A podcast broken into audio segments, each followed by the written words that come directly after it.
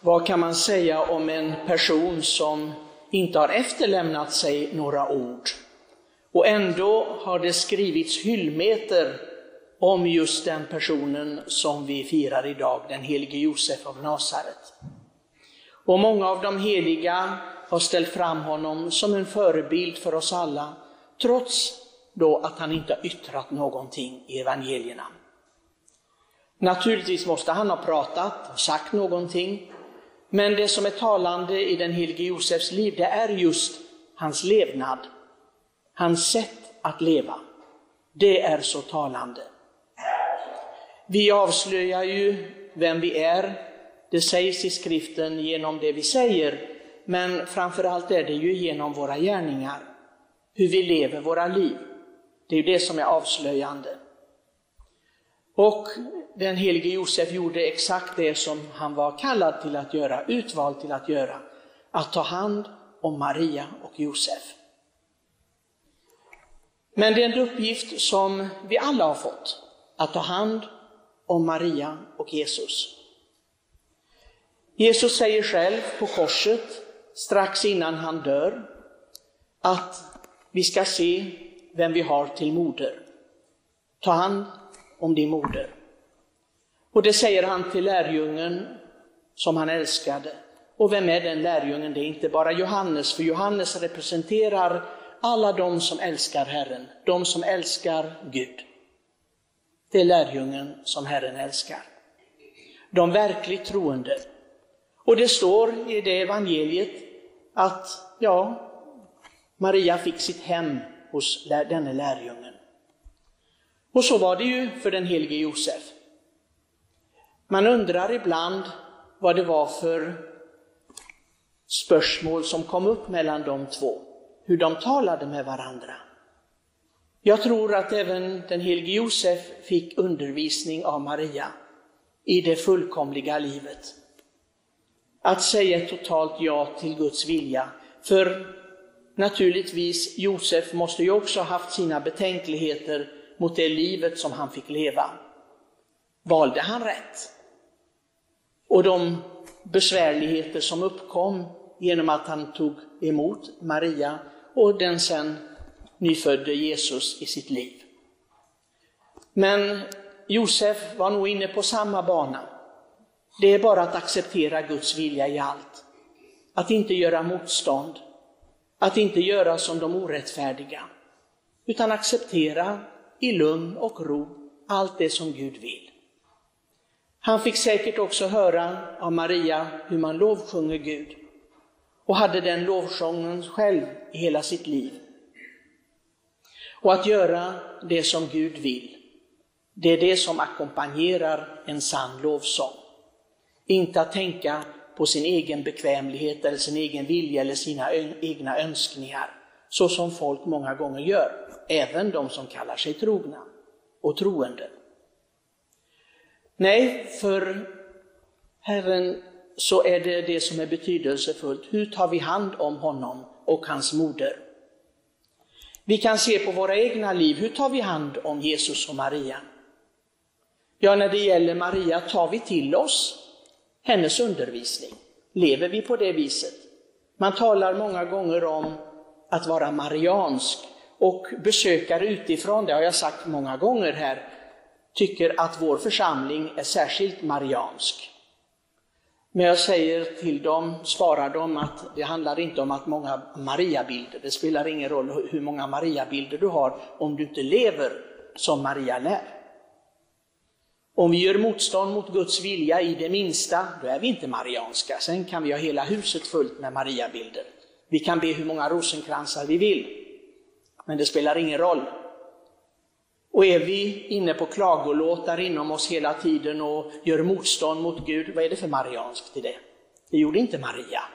Detta är den sanna Mariabilden som Gud vill se i oss, om vi tar hem henne till oss.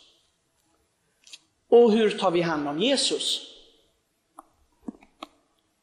Ibland så tänker jag på att det är, det är väldigt stökigt hos oss ibland vid mässorna, för det är mycket folk och det är glädjande, det är mycket folk till exempel på söndagar och den ena mässan efter den andra. Och jag tänker, Man springer iväg med Jesus inom sig, de som har tagit emot honom i ordet. Man behöver inte ta fysiskt kommunionen, men man har tagit emot honom i ordet, i förkunnelsen. Och de som till och med har tagit emot honom fysiskt i den heliga kommunionen och bara springer iväg, eller så fort mässan är slut, talar med andra om ja, oväsentligheter, för det är oftast det. Hur tar vi hand om Jesus? Bara en sån sak. Glömmer vi bort honom omedelbart? För det finns ingen viktigare person i vårt liv än Herren Jesus. Det finns ingen viktigare. Vi ska stå inför honom och avlägga räkenskap, det vet vi. Men vi ska också leva med honom innan dess. Och han ska kunna känna igen oss när vi avsluta vårt jordiska liv. Han ska, ska säga, kom in i vilan, kom in till mig du trogne tjänare. Det är det kommunionsantifonen som vi har i dagens mässa. Josef den trogne tjänaren. Ibland så vill vi ha, för att vi gör någonting som vi tycker, ja men Gud vill att jag uppfyller detta, gör detta och lever den här kallelsen. Och då vill vi ha poäng för detta. Vi vill ha att människor erkänner det och tycker att vi är duktiga och bra eller någonting sådant. Applåderar oss på något sätt. Men Jesus säger, och jag tror han tar detta från Josefs och Marias liv, som inte behöver något erkännande av något, och säger, vi ska bara säga, det är onyttiga tjänare och vi har gjort det vi skulle göra. Det är någonting att tänka på när vi tycker att människor är otacksamma för vad vi gör eller liksom den vi är. Vi ska bara säga att vi är onyttiga tjänare. Och jag är säker på att Jesus med 30 år med Josef och Maria i hemmet har lärt sig detta. Han tar i sin undervisning det han har sett hemma, för det gör var och en av oss. Har vi fått goda förebilder hemma, då tar vi med oss detta. Och jag vet att jag själv gör det. Jag jämför människor och liv och så med det som jag har blivit uppfostrad med. Varför skulle inte Jesus göra det i sin mänsklighet? Han har sett dessa fullkomliga dygder hemma i Nasaret med Josef och Maria. Och det tar han upp som exempel i de olika liknelserna också. Så vi förstår att de har verkligen liksom levt det här. Och då tänker vi också på oss själva. Den helige Franciscus av Assisi, han, han jäckade med bröderna som ofta talade om helgon. Han säger, jo, jo, vi talar om helgon och försöker ära oss med deras liv, men själva lyfter vi inte ett finger för att leva som dem. Och det är ju många, även i vår församling, ser jag att det är många som har vördnad för helgonen. Men jag undrar hur många är det av oss som verkligen vill leva som ett helgon? Det är den sanna helgonvördnaden. Inte att bara hylla dem eller att be om deras förbön och hjälp. Vad, vad hjälper det? Om jag själv inte vill leva som ett helgon. Och vi ser denna enkla heligheten i Josefs och Marias liv.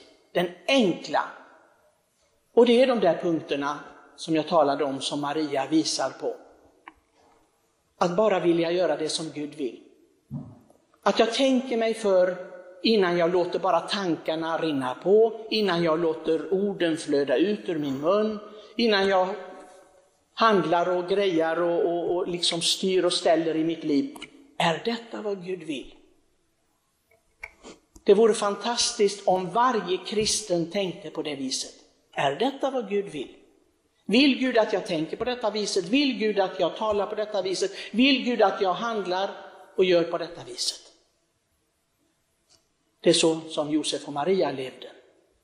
Må de be för oss att vi blir värdiga Kristi löften.